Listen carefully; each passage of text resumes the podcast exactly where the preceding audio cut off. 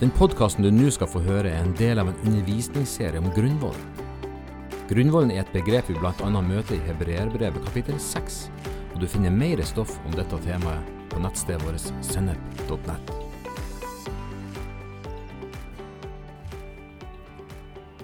Mennesker har til alle tider vært opptatt av døden. Fins det liv etter døden? Blir sjela reinkarnert i en evigvarende syklus? Blir vi alle engleaktige vesener i en tilværelse vekk fra jorda? Eller er vi bare et resultat av biologi og kjemiske reaksjoner, hvor alt er over med oss når vi dør? Denne delen av undervisninga om grunnvollen tar for seg disse spørsmålene. Bibelens hovedbudskap til dette temaet er radikalt og grensesprengende. Gud skal en gang i framtiden la alle mennesker våkne til livet igjen, det som i Bibelen kalles de dødes oppstandelse. La oss se nærmere på det. Jødene i Jesus samtid hadde en del ideer som trengtes å rettes på. Jesus var kjent for formuleringa Dere har hørt det jeg sagt, men jeg sier dere. Men med oppstandelsen er det annerledes. Det var riktignok en relativt betydelig gruppering som fornekta oppstandelsen, sadukerene. Til de sa Jesus ganske enkelt, dere er helt på villspor, det leser vi i Markus 12. Men de andre jødene fikk også høre noe de ikke hadde forventa. De kjente riktignok til profeten Daniels ord om at de som sover i jorda skal våkne igjen, men det var fullstendig nytt for de når Jesus knytta oppstandelsen til seg sjøl gjennom å være sendt av Gud. I Johannes 11 sa han noe av det mest grensesprengende som noen gang har blitt sagt siden tidenes morgen. Jeg er oppstandelsen og livet. Den som tror på meg skal leve om han enn dør, og hver den som lever og tror på meg skal aldri i evighet dø. Dette sa Jesus til sin nære venn Martha, som akkurat hadde satt ord på det hun mente er læra om oppstandelsen, nemlig at hun veit at hennes bror skal stå opp i oppstandelsen på den siste dag. Og Jesus sier Jeg er, ego eimi på gresk, ikke ulikt det hebraiske Javé, Guds eget navn. Med et par setninger klarer Jesus å knytte sin egen person til både Gud sjøl og til oppstandelsen jødene allerede håpa på. Så fortsatte han med å definere betingelsen for å ha del i denne oppstandelsen, og hva det innebærer. Livet etter døden er noe de aller fleste mennesker tenker gjennom i løpet av livet. Det har egentlig aldri vært spesielt kontroversielt å hevde at våre sjel eller ånd vandrer videre etter dette livet. Både på Jesu tid og i vår tid finnes det mange begreper som omhandler nettopp dette. Begrepet som reinkarnasjon, himmelen, det å bli en engel, illustrerer vanlige forestillinger blant oss. Men oppstandelse er definitivt ikke ett av de. I den apostoliske trosbekjennelsen som brukes i kirka verden over, sier vi Jeg tror på legemets oppstandelse og det evige liv. Vi tror ikke kun sjela vår blir overført til en himmelverden til evig tid men at kroppen vår skal bli reist opp fra de døde i en oppstandelse som er lik oppstandelsen til Jesus. Det er altså det som får verden til å koke, at Jesus, som ble pint og korsfesta og lagt i ei grav, ble reist opp av de døde den tredje dagen. I Lukas 24 vers 1-9 leser vi Ved daggry den første dagen i uken kom kvinnene til graven og hadde med seg de velluktende oljene som de hadde laget i stand. Da så de at steinen var rullet fra graven, og de gikk inn, men fant ikke Herren Jesu kropp. De visste ikke hva de skulle tro, men med ett sto det to menn hos dem i skinnende klær. Kvinnene ble forferdet og bøyde seg med ansiktet mot jorden. Men de to sa til dem, Hvorfor leter dere etter den levende blant de døde? Han er ikke her, han er stått opp. Husk hva han sa til dere mens han ennå var i Galilea. Menneskesønnen skal overgis i syndige menneskers hender og korsfestes, og den tredje dagen skal han stå opp. Da husket de hans ord, og de vendte tilbake fra graven og fortalte alt dette til de elleve og til alle de andre. Og i vers 36-43 leser vi Mens de snakket om dette, sto Jesus selv midt iblant dem og sa, Fred være med dere. De ble forferdet og redde, for de trodde de så en ånd.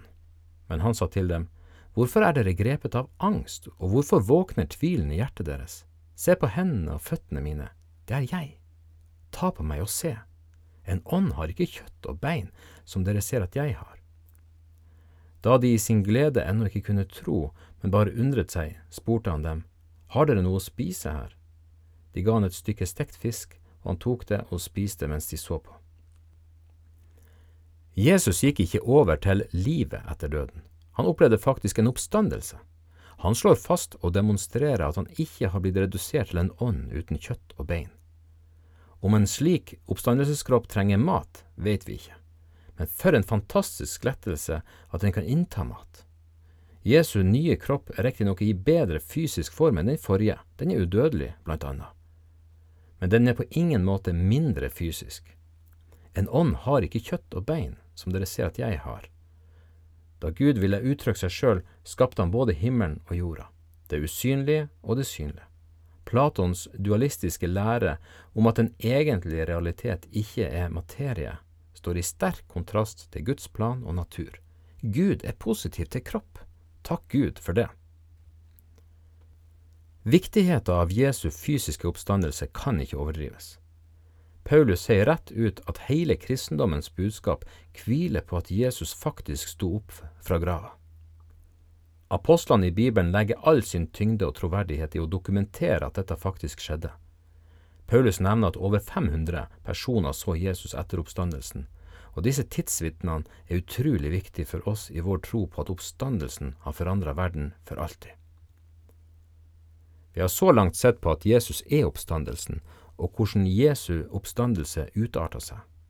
Hva så med oss? Når og hvordan står vi opp? og hvordan henger det sammen med Jesu oppstandelse? Martha nevnte i Johannes 11 noe om den siste dag, og dette er en konsekvent lære gjennom hele Bibelen. I Romerbrevet kapittel 6 nevner Paulus at vår oppstandelse skal være lik hans. I første Korinterbrev kapittel 15 nevner Paulus flere ting rundt vår oppstandelse. Men nå er jo Kristus stått opp fra de døde, som førstegrøden av dem som er sovnet inn. Fordi døden kom ved et menneske, er også de dødes oppstandelse kommet ved et menneske. For slik alle dør på grunn av Adam, skal alle få liv ved Kristus, men hver i sin tur. Kristus er førstegrøden. Deretter, ved hans gjenskomst, følger de som hører Kristus til. Jesu oppstandelse var egentlig en slags prototype altså en demonstrasjon av et konsept og en realitet som en dag skal omhandle absolutt alle troende. Men hver i sin tur, sier Paulus. Vår oppstandelse kommer ved Jesu gjenkomst. Men Jesu oppstandelse er også selve løsninga på døden og syndens problem. Uten den hadde et evig liv ikke vært mulig for oss.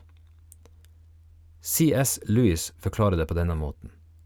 Døden er en slags sikkerhetsløsning fordi da mennesket falt i synd, ville udødelighet være forbundet med håpløshet for mennesket. Fordi vi ved dåpen har del i Jesu død, som er nevnt i Romerbrev kapittel 6, kan vi få del i hans oppstandelse. Det er det vi, og for så vidt resten av skaperverket, venter på og håper på. Siden Bibelen legger stor vekt på den dagen Jesus kommer tilbake, hva da med mellomtida fram til dette skjer?